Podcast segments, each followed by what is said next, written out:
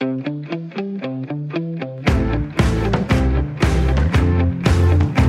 lytter til Sportsugen med mig, Claus Elgaard. Ja, velkommen til anden time af Sportsugen. Den står blandt andet på banecykling, hvor Danmark satte hele tre verdensrekorder. Det handler også om landevejscykling. Forårsklassikerne er så småt ved at blive skudt i gang. FC København skal møde Baksak Sehir fra Tyrkiet, og hvad nu det for en størrelse? Og så falder sportsarrangementerne som fluer på grund af coronavirus. Asger Hedegaard Bøje er blevet i studiet fra den første time, og for nye lyttere kan lige sige, at Asger Hedegaard Bøje er journalist, forfatter og idehistoriker. Dansk banecykling har leveret et mindre mirakel. 4 km holdet satte hele tre verdensrekorder og vandt VM-guld ved verdensmesterskaberne i Berlin og hakkede blandt andet hele 1,5 sekunder af verdensrekorden, og det skal jeg hilse at sige, at det er en hel del i den verden. Kasper Jørgensen, du er landstræner, og jeg skal sige øh, stort tillykke med det hele. Hvad skete der lige der for øh, banelandsholdet? Øh, jamen, øh, vi ramte bare vores niveau, og jeg synes, det er noget, vi har lagt op til rimelig lang tid, hvor vi spiller roligt og bliver bedre og bedre. Øh, men ja, alle ting gik op i en høj enhed til det her VM, så, så, så gjorde det heldigvis, at vi kunne køre rigtig stærkt. Men hvad er det? Øh, det lyder øh, logisk, at det går op i en høj enhed, når man sætter tre verdensrekorder. Men hvad er det, der sådan skal lige falde i hak, for man øh, hakker halvanden sekunder af en verdensrekord? Jamen, det kan man sige, det er jo, det er jo fire individuelle mennesker, som hver især alle sammen øh, skal ramme topform på det samme tid, øh, hvilket godt kan være krævende. Øh, så skal du heller ikke have nogen skader og skal vanke op mod, og, øh, og så har vi så også forbedret øh, på en masse forskellige ting, blandt andet på udstyr, og, øh, og vi har også ændret lidt taktik på den måde, vi kører holdet på, så, så det er jo en masse ting, der skal gå op i en højere enhed på det, på det samme tidspunkt. Man kan sige, at øh, den fysiske formåen hos de forskellige atleter må vel efterhånden snart være på, på det maksimale. Er, er det i materiellet, man kan finde nogle tiendedel eller hundreddel, eller, eller, eller hvor finder man dem hen? Ja, altså der finder du helt klart noget, noget tid, ikke? Men, men jeg håber stadig, at de rytter, vi har, kan blive stærkere. De er stadigvæk forholdsvis unge og, og har forbedret sig meget over de sidste år, men jeg håber stadig, at de kan, de kan tage de sidste skridt frem mod OL. Øhm, så, så man kan stadigvæk godt få dem gjort stærkere. Men hvor meget mere tror du reelt, der er at, øh, at give af? Fordi jeg mener, tre verdensrekorder, er der, er der stadig højt til loftet, eller er I ved at være der? Altså, selvfølgelig er det ikke sådan, at man bare øh, man laver de store spring længere, men, men jeg tror stadig, vi kan blive bedre. Jeg tror egentlig også, vi skal køre endnu stærkere til OL for at, at være med om sejren der, så, så vi håber og tror på, at vi godt kan køre endnu stærkere til OL. Så, så den verdensrekord, I har sat nu, hvis I tangerer den, så, så er du ikke sikker på, at det er nok til en OL-guldmedalje? Øh, nej, det er jeg ikke. Jeg tror, jeg tror helt klart, at vi faktisk kan slå vores verdensrekord til OL for at få OL men uanset hvad, så må man sige, nu er I jo i hvert fald med i favoritfeltet omkring øh, OL-guldet, og, og, og det er jo sådan her i tilværelsen, at en ting er at få succes, noget helt andet er at bevare en succes. Hvordan skal det her nu øh, mentalt takles? Jamen, det er jo lige netop, øh, det er jo rigtigt, det du siger, at, at, at nu bliver det sværere jo at, at vi skal holde begge ben på jorden, og, og rytterne skal, skal huske, hvor, hvor meget hårdt arbejde de har lavet for at komme hertil, så, så de, de må godt nyde det en uge eller to, men så skal de også komme tilbage i arbejdstøjet, og så ellers uh, give, den, give den den sidste hårde op mod OL. Så så meget af dit job, det bliver ikke at motivere dem, men måske at, at dæmpe dem ned? Det ved jeg ikke. Jeg synes, de har prøvet mange ting før, så, så, så de plejer godt at finde ud af det selv, men, men selvfølgelig så, så vil jeg også holde, holde øje med, at, øh, at vi kommer tilbage i arbejdstøjet. Og øh, din puls og adrenalinen har næppe lagt sig, fordi øh, Mørkøv og Lars Norman har også vundet guld i, øh, i parløbet, hvor de jo også ja, smadrede alt, kan man roligt sige. Øh, hvad, skete der? hvad skete der der? Ja, men dem vidste vi godt, kan man sige, var rigtig stærke, og de har også i de konkurrencer, de har kørt i den her sæson, har de også øh, ja, faktisk været suveræne, så vi vidste godt, de var rigtig gode, men uh, og derfor kom det stadig bag på mig, at de var så suveræne, men, men ja, det var bare dejligt. Og så var det jo en, øh, det har været en, en, en voldsom uge for Michael Mørkøv. Altså han har været i karantæne eller isolation omkring coronavirus. Hvordan har I bearbejdet den situation? Altså, man ved ikke, om manden ved ikke, om man overhovedet kan køre. Eller, hvordan holder man ham, skal man sige, forspændingen klar? Ja, men vi har egentlig bare hele tiden...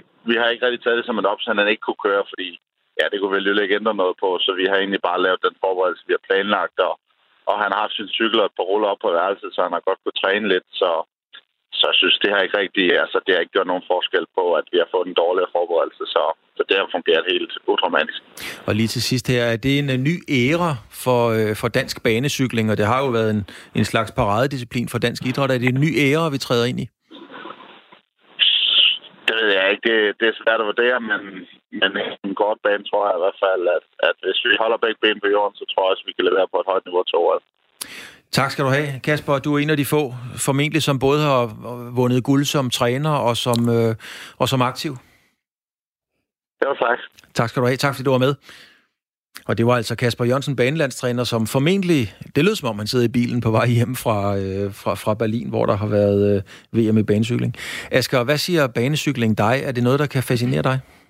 Ja, det er det. Altså, jeg, jeg synes øh, i det hele taget cykelsport, men, men banecykling er jo sådan, jeg lige vil sige, næsten en særlig dansk disciplin. Det er i hvert fald noget, der i årtier har fyldt meget i Danmark øh, og er jo i mange lande ikke så stor en sport som landevejscykling. Øh, men, øh, men altså helt klart en, en sport, der kan noget, men også en sport, kan man sige, tidligere, der har været omgivet sådan, af, af, om ikke kritik, så i hvert fald sådan lidt skepsis, ikke? fordi øh, det kan jeg da huske tidligere, i hvert fald det her med, hvor meget var egentlig aftalt på forhånd. Og det har været en sport, der på den måde har, sådan, har, har, har haft sin op- og, op- og nedture, øh, men det er klart, lige nu er vi vidne til ikke bare banecykling, men også landevejscykling, at, at, at dansk cykelsport står fantastisk stærkt. Altså, mm. Og jeg har jo altid respekt, eller stor beundring for, for danske sportsudøvere, der gør det godt, men jeg vil næsten sige, især i de her store sportsgrene, altså hvis vi tager cykling som, som et hele, så er der et eller andet fascinerende over, når et lille land kan være øh, ikke bare bedst, men suveræn. Øh, det er ret sjældent, altså ikke kun i Danmark, men også hvis vi ser globalt på det, at det sker. Og det, og det synes jeg, vi ser i de her år i, i øh, på alle mulige forskellige cykler, at, øh, at, de, at de danske ryttere gør, og det er, det er voldsomt imponerende. Ja, altså når du siger aftalt spil og så videre, så mm. tænker du formentlig meget på seksdagsløb, og, mm. øh, og den øh, legendariske, en af de mest vindende nogensinde, mm. det var, det var Belgien Rik van Steenberg. Og Rik van Steenberg blev engang spurgt i et interview, om det netop var svindel i, øh, i seksdagsløb, og så kiggede han bare, så sagde han, svindel? Nej, nej, vi overholder alle aftaler. ja, det, var, det var egentlig meget smukt sagt. Jamen, det er jo en dansk paradedisciplin, altså hvis man går tilbage til, øh, til, til Torvald Ellegaard, altså verdensmester i sprint fem eller seks gange fra 1901 til mm. 11 stykker. Og, og så ellers hele vejen derop. Vi kan nævne droppe Peter Petersen, øh, øh, Niels Fredborg og, og alle dem der. Øh, er, er det sådan nogle fantomer, de der banerytterne i deres dragter, at de giver lige den ekstra dimension? Ja, og, og så har der været den, den der, det har været sådan en del af, af hvad skal vi sige, sådan dansk øh, underholdning, vil jeg næsten sige, altså op igennem årtierne, altså det her med at tage ud og se seksdagsløb, og, og, og, og det ligesom var en, øh, det, det, der skete øh, noget på banen, ja, men det var også ligesom hele det her rundt om. Altså der, var, der har været en kultur om, om, om cykelsporten i Danmark, som, som der ikke har været særlig mange andre steder. Jeg sidder og tænker på andre sportsgrene som håndbold og badminton, som også er, om ikke danske, men så, men så har en særlig rolle i dansk kultur. Og, det, og ofte kan man sige, bare lige øh, lynhurtigt, så kan man sige historisk, så, så, så er det nogle gange nogle tilfældigheder, der gør det. Øh, for eksempel det her med, at vi var et af de første lande, der byggede øh, øh, øh mange idrætshaller så vi kunne spille vores badminton, ikke? Vi kunne flytte håndbolden indenfor, det er rigtig svært at, at, at hvad hedder det, slå en håndbold i, i, i jorden udenfor, uden den springer et andet sted hen. Og på samme måde med cykelsporten, altså at vi har haft gode cykler fra mm. meget, altså igennem øh, over 100 år. Det er der rigtig mange lande, der først har fundet ud af, hvad en cykel er inden for de sidste 20-25 år. Ikke? Øh, så så vi, det er et sted, hvor vi er foran på know-how og på historie og på tradition i forhold til mange andre lande. Ja, det er også sjovt, fordi at, at øh, cykelrytterne, mange cykelryttere har jo også af de store af legenderne, de har jo tilnavne. Altså Peter Petersen, Store Peter for eksempel, ikke? så var der Ville Falk Hansen, Spejderen. Ved du jo, hvorfor han blev kaldt Spejderen? Nej. Det var simpelthen fordi, at i hans allerførste cykelløb nogensinde, det hed De Unges Løb, der kørte han simpelthen, og det skal lige siges, Ville Falk Hansen blev jo blev verdensmester flere gange. Øh, hans allerførste cykelløb, der kørte han i en spejderuniform og han havde fløjten med som en del af Fantastisk. Og derfor så blev, og det var 1922, øh, derfor blev han simpelthen kaldt, øh, kaldt spejderen. Øh, men, men det siger jo også lidt om det her med de her personligheder, det tiltrækker. Fordi altså, banecykling øh, har jo, øh, altså, kan jo minde om, øh, om, om sprint i atletik eller sådan noget. Det er de her øh, store, øh, eksplosive, øh, både øh, hvad hedder det, udøvere, men også personligheder. Og det tror jeg også har været med til i Danmark, øh, og øh, øh, og, og, gøre noget særligt for lige præcis øh, øh, den indendørs øh, cykling. Øh, fordi det, det er noget, vi har forbundet med, med noget, øh, hvad skal vi sige, underholdning, men også hvor man virkelig kommer ud og ser nogle... Øh, øh på en måde udanske sportsudøvere, eller i hvert fald nogen, der virkelig står mm. frem øh, og, og, og, og kan eksplodere, når det skal være, både på og uden for banen. Øh, og det tror jeg har fascineret rigtig mange. Det er lidt ligesom med amatørboksningen i Danmark også. Der har vi også kunne gå ind i ringen og se de her, de her øh, figurer, som vi ikke lige kan møde nede i, i brusen næste dag. Ja, så hvis vi bliver i, i tilnavnet Leif Mortensen, Leif den Lykkelige osv., jamen jeg, hvis, og det kan jeg høre, de får, fordi mit sidste spørgsmål omkring øh, cyklingen skulle egentlig have været, om de får den credit, de fortjener, fordi øh, med alt respekt for Kent Carlsen, der lå i top 50 mm. på verden, de her har vundet OL-guld, VM-guld, mm. Øhm, men, men, men er jo ikke så meget omtalt, kan man sige. Nej, jeg synes, det bliver mere og mere. Det bliver, de får mere og mere den kredit, de skal have. Og jeg synes, vi måske, jeg synes, vi er blevet bedre til herhjemme, det her med også lige at huske på, at når vi gør det rigtig godt inden for større sportsgrene, så lige skynde på, at, at det er altså ikke, det er ikke noget, vi kan forvente. Men vi er nok, tror jeg godt, man kan sige generelt, en ret forvent sportsnation. Altså, øh, vi, vi, vi omregner meget sjældent øh, indbyggertal til medaljer, og det burde vi måske gøre indimellem, og så virkelig kunne se, hvor, hvor store præstationer der er tale om her. Badmintonturneringen German Open skulle være begyndt på tirsdag, men sundhedsafdelingen i byen Mülheim, hvor turneringen skulle afvikle sig, anbefalede en aflysning, og det har arrangørerne naturligvis måtte lytte til at aflyse turneringen, hvor flere af verdens bedste badmintonspillere skulle have pusset formen af den sidste form inden All England, der spilles ugen efter, efter German Open. Og i fredag sendte arrangørerne bag All England en meddelelse ud om, at de følger udviklingen omkring coronavirus, men at de lige nu ikke ser nogen grund til at aflyse. Direktør for Badminton Danmark, det er Bo Jensen, holder skarpt øje med alle informationer om virusen, da Danmark jo er i fuld gang med at planlægge verdensmesterskaberne for herre- og damelandshold. Det er det, der hedder Thomas og Juberkop, og de skal afvikles i Aarhus til maj. Hvordan forholder man sig i Badminton Danmark til alt den her virak, der er i øjeblikket omkring coronavirusen? Jamen altså, vi følger det jo selvfølgelig nøje dagligt, og øh, ser selvfølgelig også med, med, med alvor på øh, den øh, den risiko, der, øh, der måtte være i forbindelse med udbredelsen af, af coronavirusen. Øhm, men når det så er sagt, så, øh, så giver det på nuværende tidspunkt ikke os øh, anledning til at være voldsomt bekymret i forhold til eksempelvis gennemførelsen af Thomas Supercop øh, til maj.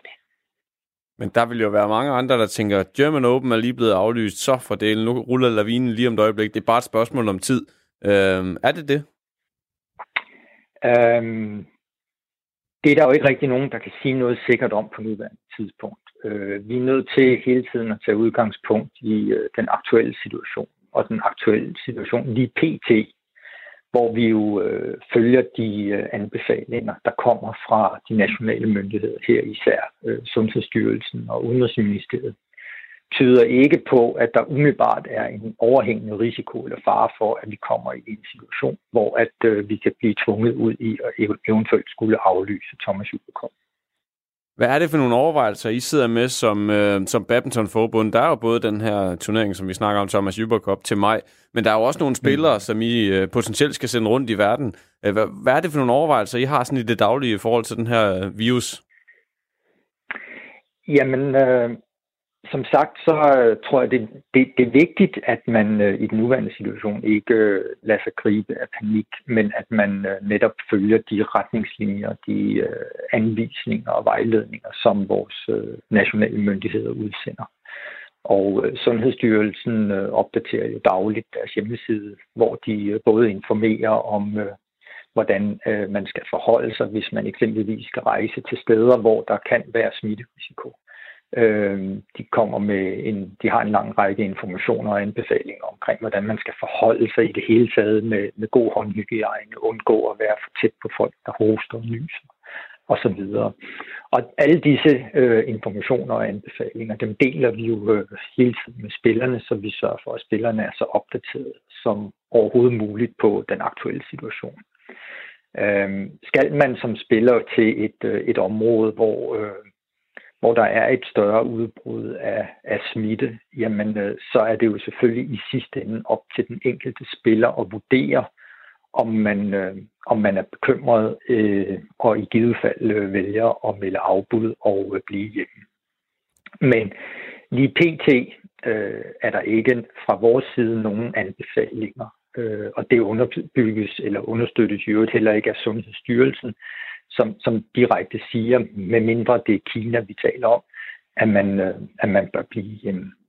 Så hvis, lad os nu sige, der kommer en dansk spiller og siger, at jeg er simpelthen ikke meget for at skulle øh, ja, enten til All England eller til, til Malaysia, som også kommer i, mm. i april, så, så vil lige sige, det, det kan vi faktisk godt forstå, det er helt okay. Eller vi lige forsøger at sige, ja, ah, det, hør nu på myndigheden, der er ingen grund til at ikke rejse derud. Altså, vi vil selvfølgelig, øh, vi vil selvfølgelig tage den dialog med spilleren, hvor vi vil forholde spillerne de anbefalinger, som myndighederne kommer med. Men i den sidste ende er det jo spillerens fuldstændig suveræn egne beslutning, om man vil, vil blive hjemme eller tage afsted. German Open, de har, øh, de har aflyst turneringen, og det var, det var bystyret ned omkring Mülheim, øh, så, som ja. kom med de her vejledninger. Øh, hvad, hvad, hvad med All England? Den ligger jo ugen efter. Det er jo en, et kardinalpunkt i badmintonverdenen at få lov til at, at spille den turnering i Birmingham. Altså, hvad, hvad er status lige nu for, for jer, der som ved lidt mere end os, end os andre? Jamen, status er, at øh, man fra organisationen bag All England netop her til morgen har udsendt en, øh, en nyhed, øh, der fortæller, at øh, man selvfølgelig, øh, ligesom vi gør her i Danmark, nøje følge situationen sammen med de nationale sundhedsmyndigheder. Øh, men på nuværende tidspunkt agter man øh, at gennemføre øh, All England, selvfølgelig med skærpet fokus på øh, den risiko, der kan være, når nu mange mennesker samles på et lille sted. Men øh, der er ikke noget, der lige dags dato øh, taler for, at øh, All England skulle øh, gå hen og blive, øh, blive aflyst. Og når vi så kommer frem til mig og Thomas Juberkop, Cup, øh, hvordan forbereder I jer til det lige i øjeblikket? Altså, tager I det her coronavirus-element med ind i det? Altså, vi hører blandt andet over England, der, der vil være nogle specialuddannede, øh, jeg ved ikke, om de var læge eller hvad de var, øh, som vil være og klar til, hvis der nu skulle, skulle ske et eller andet i forbindelse med All England. Bliver I nødt til at tænke det ind allerede nu i Thomas Cup, eller fortsætter I som om, øh, at der ikke var nogen øh, virus, forstår mig ret, altså i forberedelsesfasen? Vi gør os naturligvis en masse overvejelser i forhold til, hvis vi til maj stadigvæk har en, en situation, som, som, øh, som den ser ud i dag.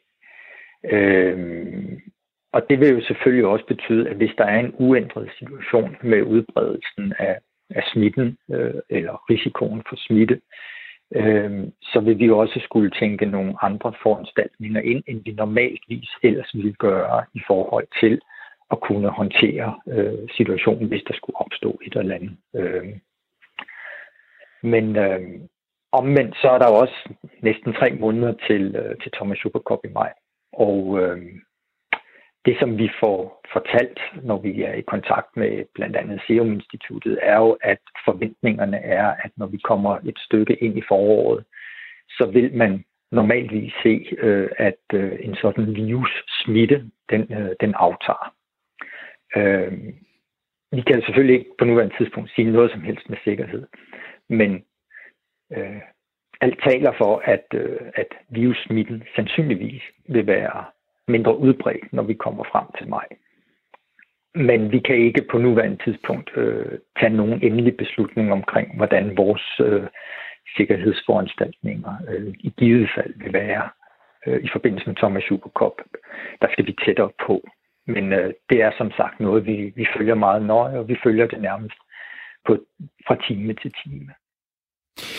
Ja, fra time til time, Asger. Det her det er et udtryk for, hvor globaliseret og hvor lille en verden... Altså, jeg mener, sportsfolkene krydser jo grænser dagligt. Ja, det synes jeg. Vi, vi, vi tænker jo ikke over det øh, dagligt, men, men, men, men den her virus øh, og, og, og alle de her... Øh, øh, restriktioner, der nu lægges ned over sporten, gør jo, at vi pludselig ser, hvor meget bevæger vi os egentlig rundt imellem hinanden, øh, både internt i landene, men også på tværs af, af landegrænser, på tværs af kontinenter. Og det gælder jo både øh, udøverne og lederne, men også, øh, også til, tilskuerne. Øh, så, så det sætter jo kun, altså det understreger jo kun, hvor, hvor, hvor global øh, sportsverdenen er blevet. Hvordan øh, synes du generelt, at, at medierne behandler coronavirus-situationen øh, i forhold til sport? Jeg mener, der, der, altså, mener, der manes konstant til besindighed. Der er massiv øh, information om, at coronavirus ikke er specielt farligere end en almindelig influenza osv. Og alligevel så havler aflysningerne ned over eksempelvis øh, sportsarrangementer. Og det synes jeg kan være svært at skille i. Hvordan navigerer du som journalist i det? Jamen, det, det, det synes jeg, du har ret i. Øh, fordi på den ene side får vi at vide, at det her er en influenza, som, øh, som øh, er mere smitsom, og som kan være farligere end en almindelig influenza, men ro på nu. Og på den anden side, så ser vi det, som du siger, alle de her aflysninger. Jeg, jeg, det, jeg måske savner i dækningen øh, herhjemme, især i Danmark, øh, har været det her mere sådan samfundsperspektiv på det. Altså fordi man kan sige, hvorfor aflyses øh, en tennis- øh, eller en badminton-turnering i, i Tyskland? Hvorfor aflyses øh, en fodboldkamp i Italien? Det gør den jo ikke, fordi at myndighederne er bange for, at folk øh, dør, det, er de, det gør de jo sundhedspolitisk, kan man sige, af sundhedspolitiske grunde. Altså det gør de, fordi at, de, de, at hvis sygdommen spreder sig, øh, så, så, vil, så vil presset på sundhedsvæsenet de steder øh, blive større, og udgifterne blive større. Altså det er jo et spørgsmål om, om som jeg ser det, om kroner og øre. Altså, og det, det kan lyde kynisk, men, men, men, men i og med, at, at, at, øh, at dødeligheden er så lille, som den er på det her, så er det jo ikke det, vi taler om. Men vi taler jo om, øh, hvem vil være det land, som ligesom påtager sig øh, alle udgifterne i forhold til det her. Altså fordi, hvis vi nu sagde, at, at, øh, at, øh, at, øh, øh, hvad hedder det, at der var et land, der ligesom påtog sig og, og varetog øh, alle de her forskellige arrangementer. Øh, der var ikke andre, der ville det. Så ville man ligesom samle alt smitten der, ikke? Mm. Øh, så der er ikke nogen, der ligesom vil, vil sidde med aben. Det er vel det, det handler om, øh, tror jeg, mere end den her fare for... Øh, for, for den store katastrofe. Altså... Men, men hvor meget tænker du på, øh, eller hvor meget tænker almen, øh, medierne i almindelighed på, at man ikke skal være med til at skabe frygt? Altså går man med på ligesom at, at dæmpe det ned, eller hvordan, hvordan griber man det an? Ja, det, det altså kommer jo an på fra medie til medie, og nogle medier har måske større interesse end andre i at, i at blæse det op, og, og, og, og der har der været forsider også herhjemme, som, hvor man virkelig skulle tænke, at det var, det var sådan et, et pestudbrud, der nærmest var tale om. Men jeg synes faktisk generelt, at det har været nogenlunde sådan fokuseret, og, og de her infobokse, som følger rigtig mange tekster, både på nettet og, og i, på tryk, ikke, hvor man ligesom skitserer øh, i, i kort form, okay, hvor farligt er det her egentlig? Men, men det er klart, det fylder jo enormt meget i mediebilledet, men det gør det jo ikke kun herhjemme, det gør det jo i hele verden lige nu. Øh, og jeg tror øh, ikke så meget, det handler om den her, det her chok ved, åh, skal, øh, omkommer vi alle sammen i, i morgen.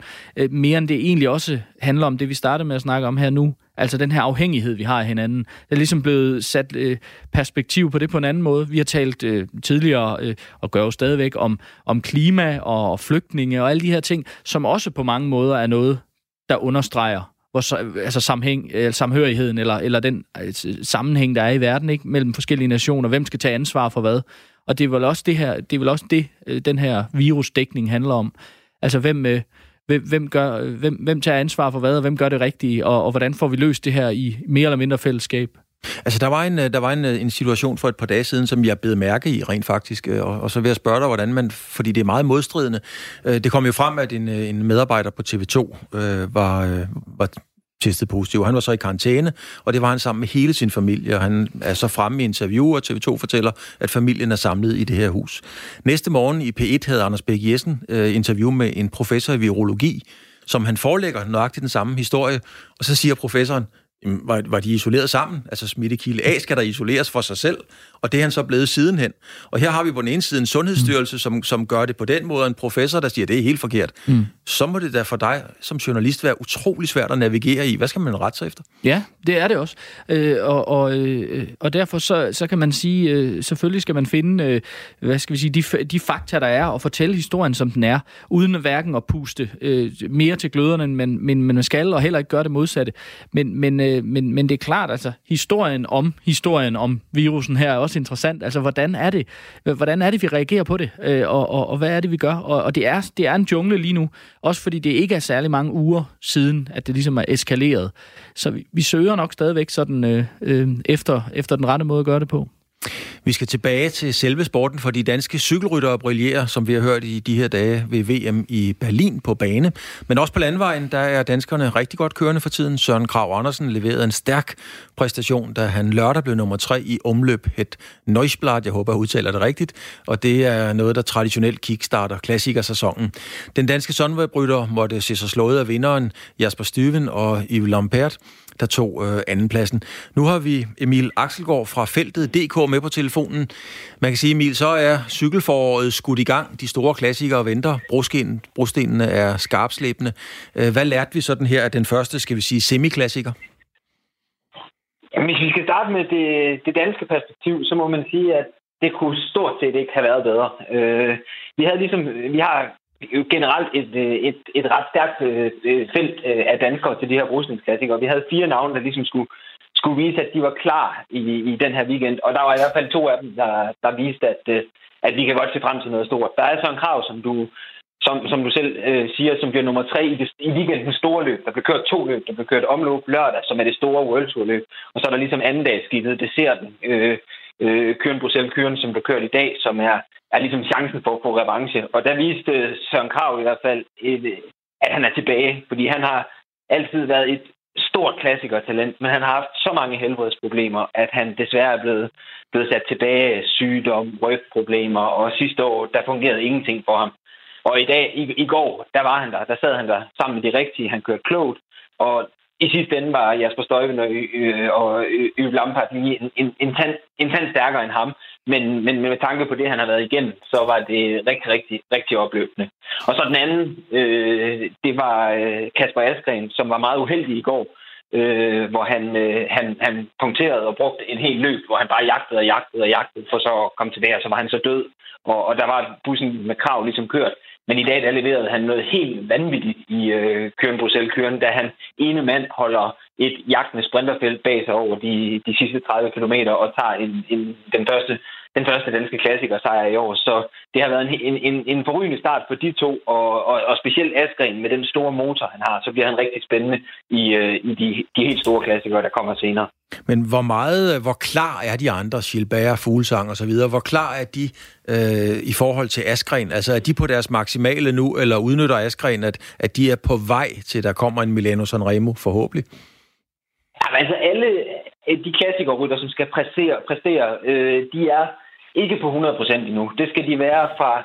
Øh, der er nogle af dem, der satser, øh, der satser på Milano Sanremo også, som er den, er den første rigtig store klassiker. Men ellers så for de her rytter, der er det først og fremmest, øh, der er det Flandern rundt og Paris-Roubaix, som, som er de helt store.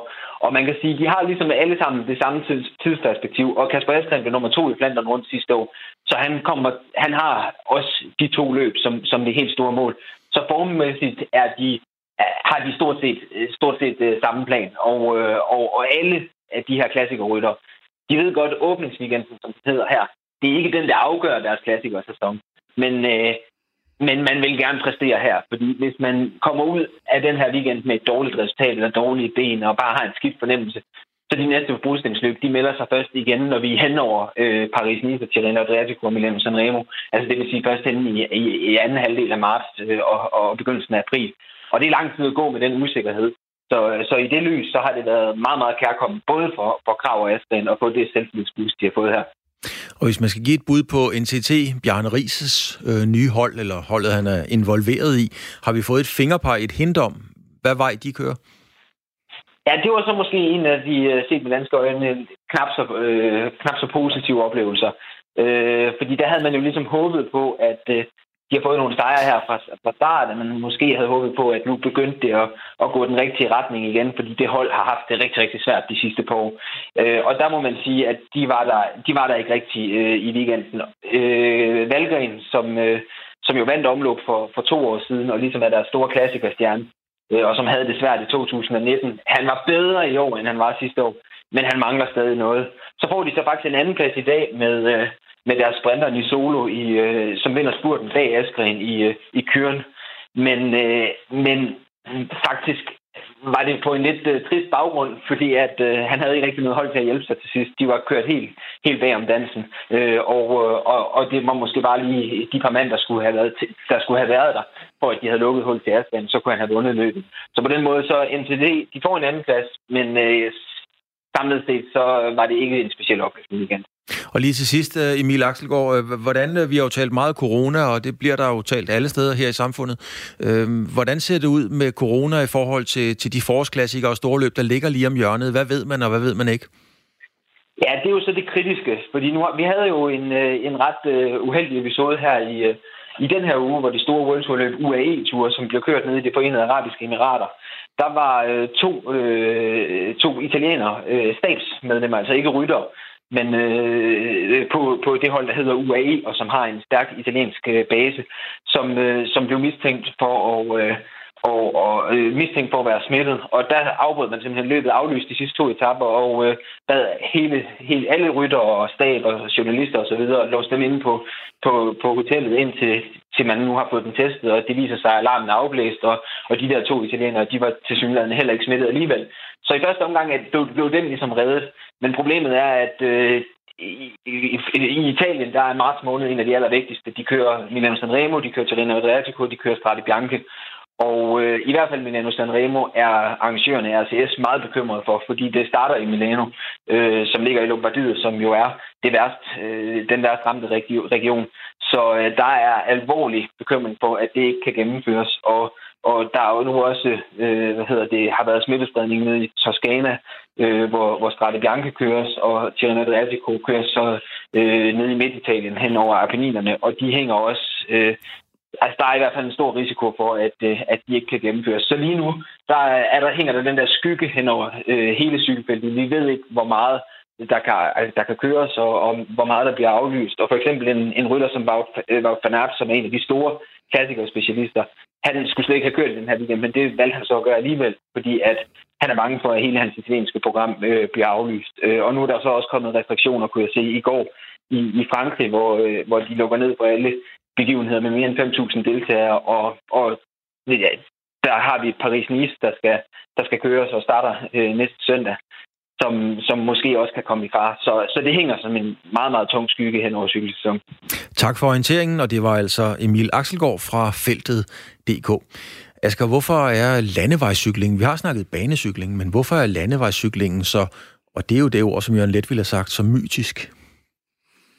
Mm, det er et godt spørgsmål. Øh, det tror jeg, jeg tror jeg, den er, fordi øh, at de der strabasser, de skal igennem, er meget voldsomme. Øh, nu snakkede vi her i første time om, om det her med at kunne identificere sig mere eller mindre med en sportshelt, og der vil jeg da sige, at cykelrytterne, det er nok nogle af dem, der sådan rent fysisk eller kropsligt ligger længst væk fra gennemsnitsmanden og kvinden. Det er virkelig nogen, der er ude på det maksimale af deres ydeevne. Og det kan man sige, gælder det ikke alle sportsgrene? Jo, det gør det, men, men der er en grund til, at, at det er cykelrytterne, der, der vejer deres øh, havregryn hver morgen, og det ikke er fodboldspilleren eller håndboldspilleren. Der er andre ting, der også gør sig gældende i de sportsgrene. Men cykelsporten er ekstrem. Øh, og, og landevejscyklingen er ekstrem. Øh, og, øh, og så tror jeg, det sammenlagt med, at vi er vi er en god øh, cykelnation, som vi også har været inde på, og har været det i mange år, og har mange af de her helte at hænge vores hat på. Det gør altså, at, at cykelsporten i Danmark er fylder meget i mediebilledet. Øh, den fylder også noget på landevejene, men, øh, men, men det er jo ikke fordi, at landevejene er overrendt af motionister i vinterhalvåret for eksempel. Øh, men, men, men, øh, men det er klart, når solen kommer frem, så kommer, så kommer mændene og kvinderne i, i lykra også frem øh, og ud på landevejene. Men i mediebilledet fylder den rigtig meget, og det er jo egentlig lidt sjovt, fordi det er jo ikke en, en typisk tv-sport. Det er jo ikke en, det er jo ikke en actionpræget, det er jo ikke et festfyrværkeri, en hver cykeletappe. Altså, øh, og det er sagt med stor kærlighed til cykelsport, men, men det er jo en sportsgren, der går ret langsomt. Ja, det kan man sige. På tv. Men, men nu sagde du selv uh, helte, mm. og det er, jo, ja, det er jo egentlig pudsigt. Jeg, jeg har tit stusset over, at, at landevejsrytterne er helte, bokserne er legender, og fodboldspillerne er stjerner. Mm. Hvor, hvorfor er cykelrytterne helte? Jamen det tror jeg, altså jeg tror, nu, nu nævnte du selv Jørgen Let, jeg tror øh, ikke bare i Danmark, men internationalt, så har Jørgen Let betydet uendelig meget. Jeg har svært ved at komme i tanker om en, hvad skal vi sige, udefrastående øh, person eller en, en fortolker af en sportsgren, som har haft så stor indflydelse, som han har haft på, hvordan vi taler om den sportsgren. Og det gælder både hans øh, første cykelfilm fra 70'erne og selvfølgelig øh, kommenteringen på TV2 igennem årtier. Det, det kan vi godt glemme nogle gange, men, men, men det, det sprog, vi har for cykelsporten, er jo ikke kun fra Jørgen Let, men han er en af de sådan, vigtigste bidragydere til det, så det bliver ofte noget med, med, med, med helte og, og store øh, eksistentielle nærmest nederlag ikke, på bjergtinden. Så det der poetiske og mytiske sprog, det har cykelsporten taget til sig, og det, og det, øh, og det har den måske gjort mere end andre sportsgrene. Men lad os, tage, lad os holde fast i, i Jørgen Let. Jeg holder rigtig meget af Jørgen. Jeg har fornøjelsen af at lave Tour de France med ham 11 gange. Jeg har, jeg har kørt meget bil med Jørgen. Øh, altså cykelsport, landevejscykling, er jo den mest rene, klassiske arbejdersport i ordets oprindelige forstand, der findes. Det var drengen fra Amager, som øh, kørte på cykel og spiste hotdog. Og så fandt man Gud døde med på at tage Jørgen Let ind og tale om det. Så blev det mm. pludselig mondant. Var, var, var det Jørgen Let, der genfødte landevejscyklingen, eller var det virkelig landevejscyklingen, der gav liv til Jørgen Let? Ja, man kan sige, at det falder jo lidt i flere etapper, fordi han har den her tidlige fase, ikke, hvor han skriver sin sportsdigte, jeg tror i 1967, hvor det var det mest usmarte, man måske overhovedet kunne gøre som, som uh, ung og lovende uh, poet. Tænk sig at beskæftige sig med noget så øh, kedeligt og, og, og folkeligt som sport. Uh, øh, noget så tavligt som sport, men det gjorde han, og, og så med cykelfilmen op igennem 70'erne, og, og, og så er det klart, så får han også et boost af, af det, der sker i, fra slutningen af 80'erne og frem til i dag, ikke? Hvor, han jo, hvor han jo er, er kult øh, i unge, blandt ungdommen, og jeg tror ikke, det er så meget for, for, for, for sine tekster, som det er for sin tale, kan man sige. Så, øh, så begge dele har nok haft, haft god gavn af det. Nu går det lidt stærkere for de sidste afgørende tests, tests hedder det op til Formel 1-sæsonen, er netop blevet afsluttet i Barcelona, og set med danske øjne har det ikke just været opløftende. Min kollega Louise Pilgaard har talt med motorsports ekspert, kommentator og forfatter Thomas Wolf om, hvordan Kevin Magnussen og Haas er kommet igennem de sidste prøver. Thomas Wolf, de har jo haft øh, de sidste testdage nu her. De er altså øh, slut. Hvad er status ifølge dig på øh, Magnussen øh, efter de her dage? Oh, ja, altså hvis vi bare studerer den rå tabel, og øh, det der egentlig skete den sidste dag, hvor Kevin Magnussen, da han skulle ud og køre sin sidste test øh, sessions, hvor han havde så problemer med sin bil, så ser det jo ikke sådan altså, super opløftende ud. Omvendt så kan vi jo så hele tiden sige, at man skal ikke lægge mere ind i det som så. Øh, hans team er meget tilfredse med det testforløb, de har haft. Øh, så selvom vi bare kigger på tiderne og ser, så hører Haas lige nu til nede den tunge ende, hvis vi, øh, hvis vi tager øh, det som et udgangspunkt. Og det, jeg har været inde og læse på Formel 1's officielle hjemmeside, at de giver ham altså lidt hård medvind med på, på vejen, og, og nævner blandt andet, altså han er den eneste, som får en negativ kommentar med på vejen, og, og blandt andet så nævner de også det her med, at han er altså den kører, som har færrest omgang, 250 omgange. Er det fortjent, at, øh, at han får lidt knups af dem? Ej, ikke, ikke helt, fordi vi, det er så svært at vurdere på, hvilken baggrund, som de alle sammen bliver sendt ud og teste efter og på. Øh, umiddelbart har Haas, ligesom alle de andre teams, jo kørt en enormt øh, effektiv test sessions over to uger, hvor bilen har kørt og kørt og kørt og kørt og kørt, så de har nok holdt sig til det kan man sige, den plan, de har haft, det kan være forskelligt fra team til team, hvordan de gør det. Så det er måske lidt en billig baggrund at, at slå på en, som ikke rigtig kan forsvare sig. Øh, men der er jo ikke så længe til, så er vi meget klogere på, hvordan øh, styrkeforholdet er. Hvad med det indbyrdes forhold imellem ham og øh, Grosjean? Hvordan ser det ud? Altså, det er lidt den samme historie. Ikke? Lige nu er det lidt svært, fordi hvad er det for nogle forhold, de har haft, da de var ude at køre? Har de haft den samme mængde brændstof ombord? Har de haft den samme motoreffekt til rådighed? Og har de haft de samme dæk på? Og hvordan var banetemperaturen? Hvordan var lufttemperaturen? Der er så mange faktorer, som kan ændre det i den ene eller anden retning i forhold til, hvem der er hurtigst. Hvis vi bare isolerer ned og kigger på papiret, så er det Grosjean, der har kørt hurtigst. Om det har en forklaring, der er dybere et eller andet sted, det, øh, det har det helt sikkert. Jeg øh, forestiller mig, at Grosjean lige pludselig har fundet et eller andet, der gør, at han er en hurtigere racerkører end, end Kevin Magnussen er, for det var han i hvert fald ikke sidste år. Så de er, de er altså fuldstændig der, hvor de også var sidste år. De skal ud, og så skal de kæmpe for, for første løb, for første frie træning, når vi kommer til Australien, fordi det bliver altafgørende at være den, der ligesom tager tiden i teamet, og den, de kommer til at satse på i, i 2020-sæsonen. Men nu læste vi blandt andet, at, at øh, Magnussen han har haft problemer med den her kobling et par gange. Altså er de klar over holdet Haas, hvad det er, de kan gøre bedre? Eller kommer vi til, tror du, at se dem famle lidt i blinden, som, som de lidt gjorde sidste år? Jeg håber lige præcis den del, at man allerede ved præcis, hvad det er, også gør, at man, man forholdsvis hurtigt kan afhjælpe det. Det er, det er mere sådan en, en, øh, en mekanisk installation, som godt nok elektronisk styret, hvor der er en masse komponenter, der arbejder sammen. Det kan man sådan til at tage at føle på. Det, de famlede i blinde med sidste år som team, var, var en decideret konstruktion i bilen, som bare ikke var altså bare ikke var på niveau med det, alle de andre havde. Og det, det vidste man meget hurtigt, og det har man forhåbentlig løst til i år øh, det havde da været fantastisk, når det nu er det hold og den kører, vi måske sidder og holder med som, som, som danske patrioter, at de havde vist lidt mere styrke, så vi gik lidt mere optimistiske øh, ind til sæsonen. Men, men vi håber naturligvis, at, at Haas har mere at byde på, end det, de har vist indtil videre. Ja, fordi jeg tænker sådan nogle små komponenter, der ikke lige virker, og så er der noget med en kobling.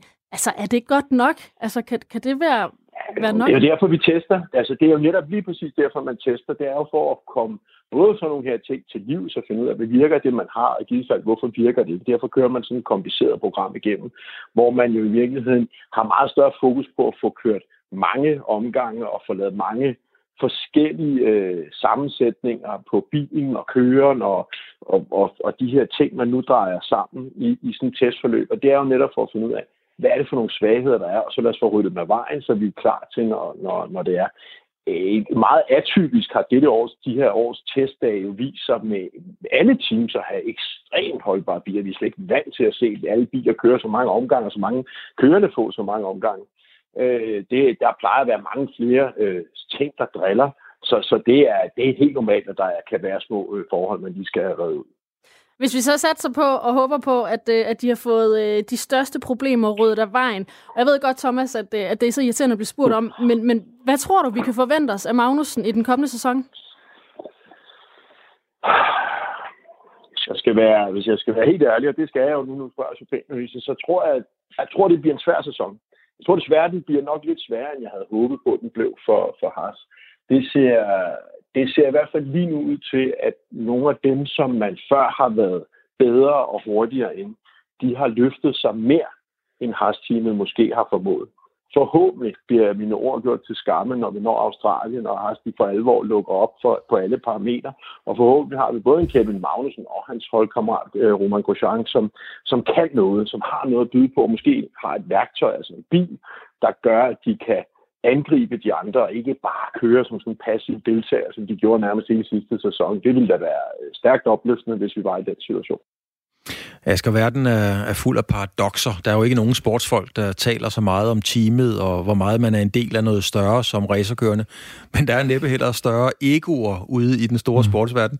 Uh, har, du, har du nogensinde spekuleret over, at det er egentlig en underlig konstellation? ja, meget, og jeg tror, at, øh, at altså, Formel 1-sporten er jo et af de steder, hvor vi, hvor vi virkelig ser det. Altså det her paradox, som du siger, imellem. Altså man kunne også sige det på en anden måde. Man kunne sige, at øh, enhver sportsudøver på det her niveau, har gjort alt, hvad han eller hun overhovedet har kunnet for at nå til tops. Det vil sige være meget egoistisk, tilsidesat rigtig mange andre ting, tilsidesat andre mennesker, øh, for ligesom at nå toppen her. Og så står man der, og så skal man samarbejde med en eller anden, man synes er ret irriterende. Eller, det kunne, altså det kunne være også på et fodboldhold, men man kan sige, her er det, i, i motorsporten og her i Formel 1, er det, er, det, er det ret tydeligt, ikke? fordi man har to store egoer, som skal finde ud af, ikke bare samarbejde, men faktisk også, øh, hvilken rangering de skal have indbyrdes i forhold til hinanden. Og det er jo, det er jo gift for, for enhver sådan holdfølelse.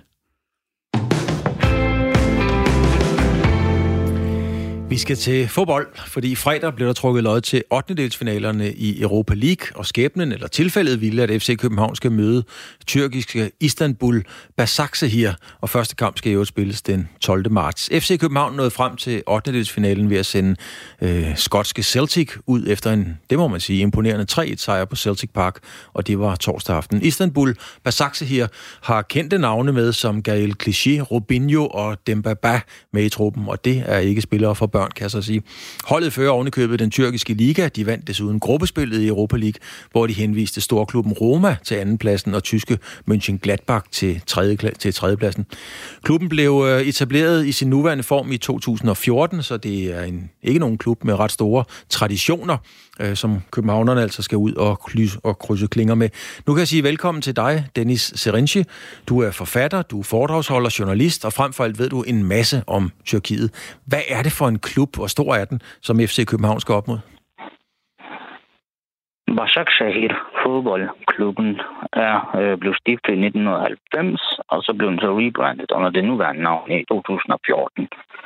Og i Tyrkiet er den på på gaden kendt som et regeringsklub, fordi den har tætte bånd til øh, det regerende AKP-parti Tyrkiet, ledet af præsident Erdogan. Og er det, og, er det meget tætte, er det meget tætte bånd? Altså, udad til siger klubben, at den er uafhængig, men klubbens formand, Göksel Gümüşdar, han er i familie med Erdogan gennem sin kone. Og så ligger klubben også placeret i det område af Istanbul, som er kendt for at være en øh, Erdogan, Erdogan øh, højborg. Så der er meget, der tyder på, at der er nogle øh, meget tætte bånd til øh, regeringen. Men, men på et tidspunkt var det jo Fenerbahce, øh, som jo er en af de klubber i verden, der er flest tilhængere, som, som ligesom, hvis man øh, ikke havde Fenerbahces opbakning, var det måske svært at blive præsident. Har, har den nye klub her overtaget den plads? Den prøver, men der er stadigvæk lang vej, simpelthen fordi Fenerbahce eller Beşiktaş eller Galatasaray, de her tre traditionelle Istanbul-klubber, de sidder stadigvæk på en stor del af befolkningsstøtte, angiveligvis op til 80 procent, og de har vundet næsten alle mesterskaber siden øh, 50'erne. Så der, det kræver alligevel meget at øh, overhale de tre traditionelle grupper, øh, klubber. Men altså Fenerbahce, Galatasaray og Besiktas, det er jo altså tre mastodonter at skulle klemme sig ind imellem og ovenikøbet føre ligaen, og de har store stjerner i truppen. Øh, hvor kommer pengene fra? Igen siger øh, Beşik, øh, Başakşehir, at det er en uafhængig klub, men der er mange i Tyrkiet, der har den opfattelse, at pengene kommer fra regeringskredse, simpelthen på grund af de her tætte bånd til øh, Erdogan, som den her klub menes at have. Hvad med tilskuerne, tilhængerne? Altså, de fører, de har store stjerner i truppen, men, men kan de også få opbakning, eller lever de sådan lidt anonymt i skyggen af de tre store?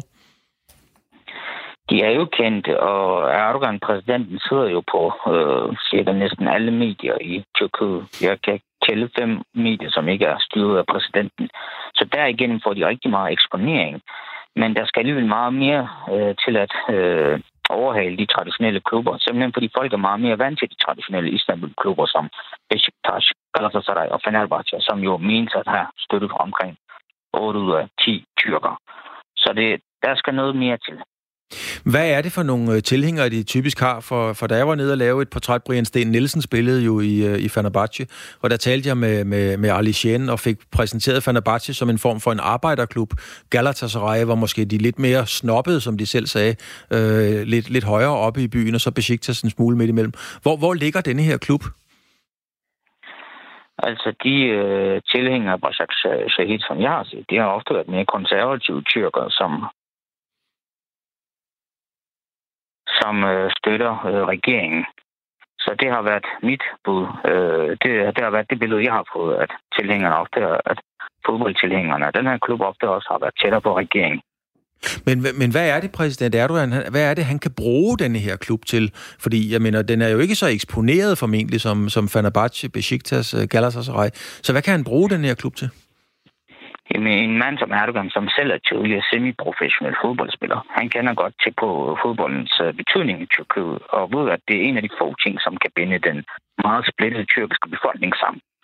Så derfor giver det også god mening for ham, at han prøver at udøve sin indflydelse på fodbold ved at have overtaget en større del af medierne, efter at have overtaget en større del af medierne og businessverdenen.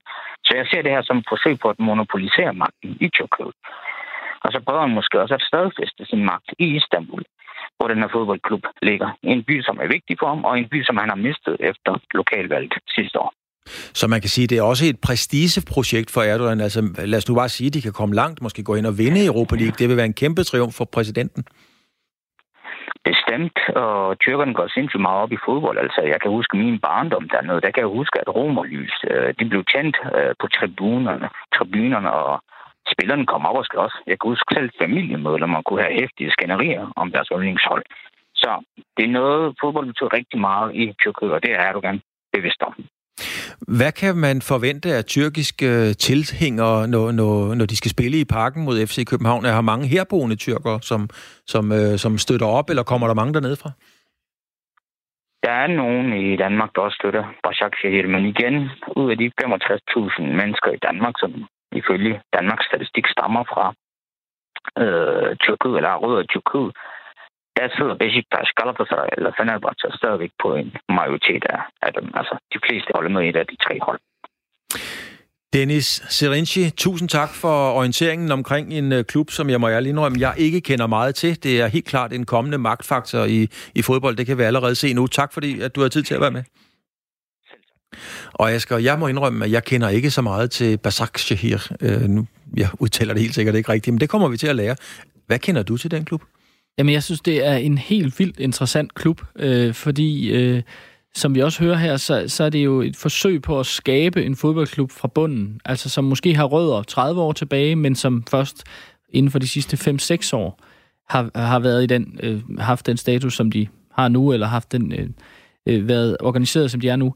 Og, og man kan sige, øh, altså, der er ingen tvivl om, at Erdogan har kigget, tror jeg, mod, hvad må det blive, øh, vest.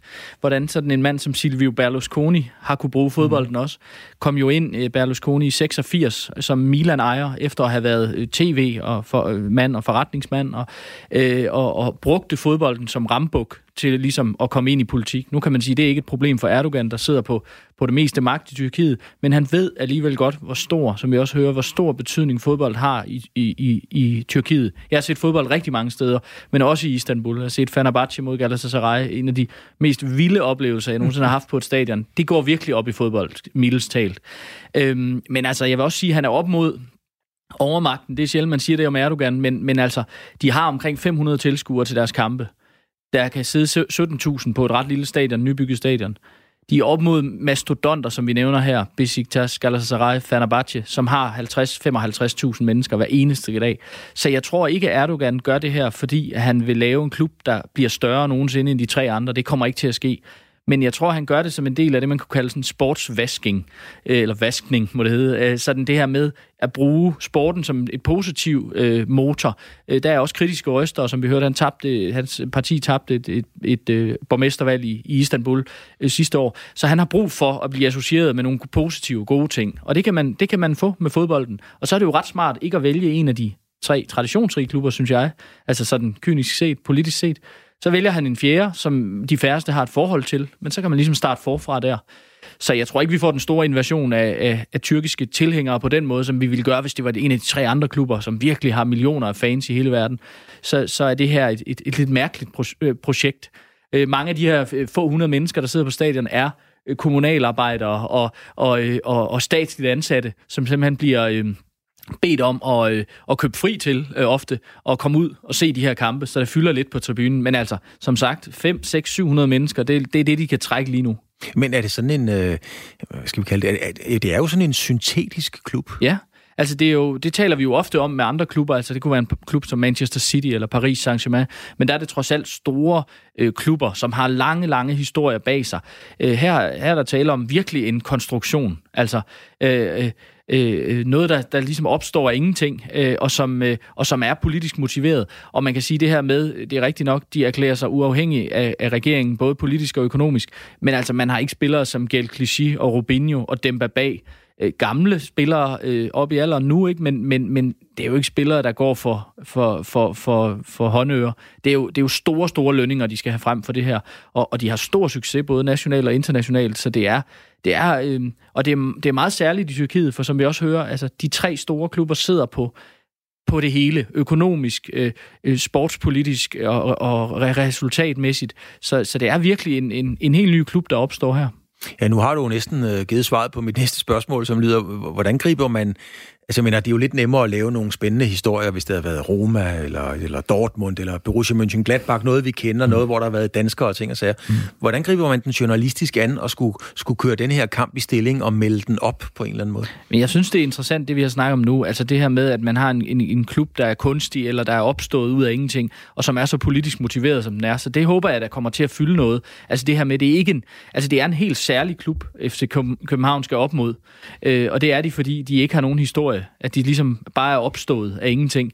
Øh, og det, det er meget sjældent, at vi ser nogle klubber, der, øh, der når så langt. Så det synes jeg næsten er den mest interessante historie. Og så også, at de har nogle af de her spillere. Altså Rubinho er en, en tidligere topspiller, spillet i Real Madrid, Manchester City og mange la- brasilianske landskampe. Så det bliver også sjovt at se nogle af, af de folk i, i parken. Men, men på en eller anden måde er det vel Altså, Erdogan, øh, han er jo en, en snedig red, kan man sige. Så han har jo selvfølgelig også en dagsorden med det her. Man kan sige, at den nemme løsning var vel at gå ind i, for, i Fenerbahce og få foræret 5-8 millioner faste stemmer og vælger til, til det næste valg. Men det har han jo så valgt ikke at gøre. Men tænk på alle dem, der, der så øh, holder med Galatasaray og Besiktas. De stemmer så ikke på ham. Altså man kan sige, ved at holde sig uden for de tre store, så holder han sig uden for øh, de store følelser, kunne man næsten sige, i fodbolden, som er øh, som virkelig er store i, i, i Tyrkiet. Øh, og, og, og man kan sige, ved at, at finde en fjerde hest at spille på her, så, så blander han sig udenom det, ikke? Øh, og jeg tror godt, vi kunne, kunne forestille mig i, i parken, de her boende med øh, tyrkisk baggrund, som, som kommer ind og ser holdet, som måske holder med en af de tre store, men som godt kunne tage i parken og se, Basaksehir her, her. Det kunne jeg godt forestille mig, for de er ikke sådan, de, de er ikke sådan, øh, det er ikke et betændt forhold, de har til nogle andre klubber, i og med, at de ikke har nogen historie. Så, så man kan sige, at okay, det kunne være den snede vinkel. Der, der var engang en, en topchef fra den øverste del af, af Microsoft. Jeg spurgte helt tilfældigt, vi sad sammen, og hvorfor de egentlig ikke sponserede noget. Mm. Og så sagde han, Claus, det gør vi helt enkelt ikke, fordi hvis, hvis vi sponserer nogen, mm. så alle dem, der ikke holder med dem, de er lige pludselig imod os. Præcis. Det er noget af den samme strategi, Coca-Cola også jo har haft i, i europæisk sport. De er meget inde i amerikansk sport, men i europæisk sport, de har ikke lyst til at associeres kun med en, med én klub eller en nation, fordi så ved man, så får man ligesom alle de andre på nakken også. Der, der tror jeg, Erdogan han er, han er både businessman og politiker her. En snedig mand er han, og vi er, øh, vi er så småt ved at være færdige med sportsugen for denne her gang. I første time, der talte vi jo om at tage eliteidræt helt ud af systemet, og i anden time brugte vi så en time på at fortælle om, at det var det slet ikke blevet alligevel, fordi vi har talt om øh, badminton, vi har talt om landevejscykling og om banecykling, hvor der har været fejret store triumfer. Det går lidt langsommere for racerkøren Kevin Magnussen, og så har vi talt om øh, øh, her, jeg skal lære at sige det, som FC København skal møde. Tak fordi du kunne være med i begge timer, Asger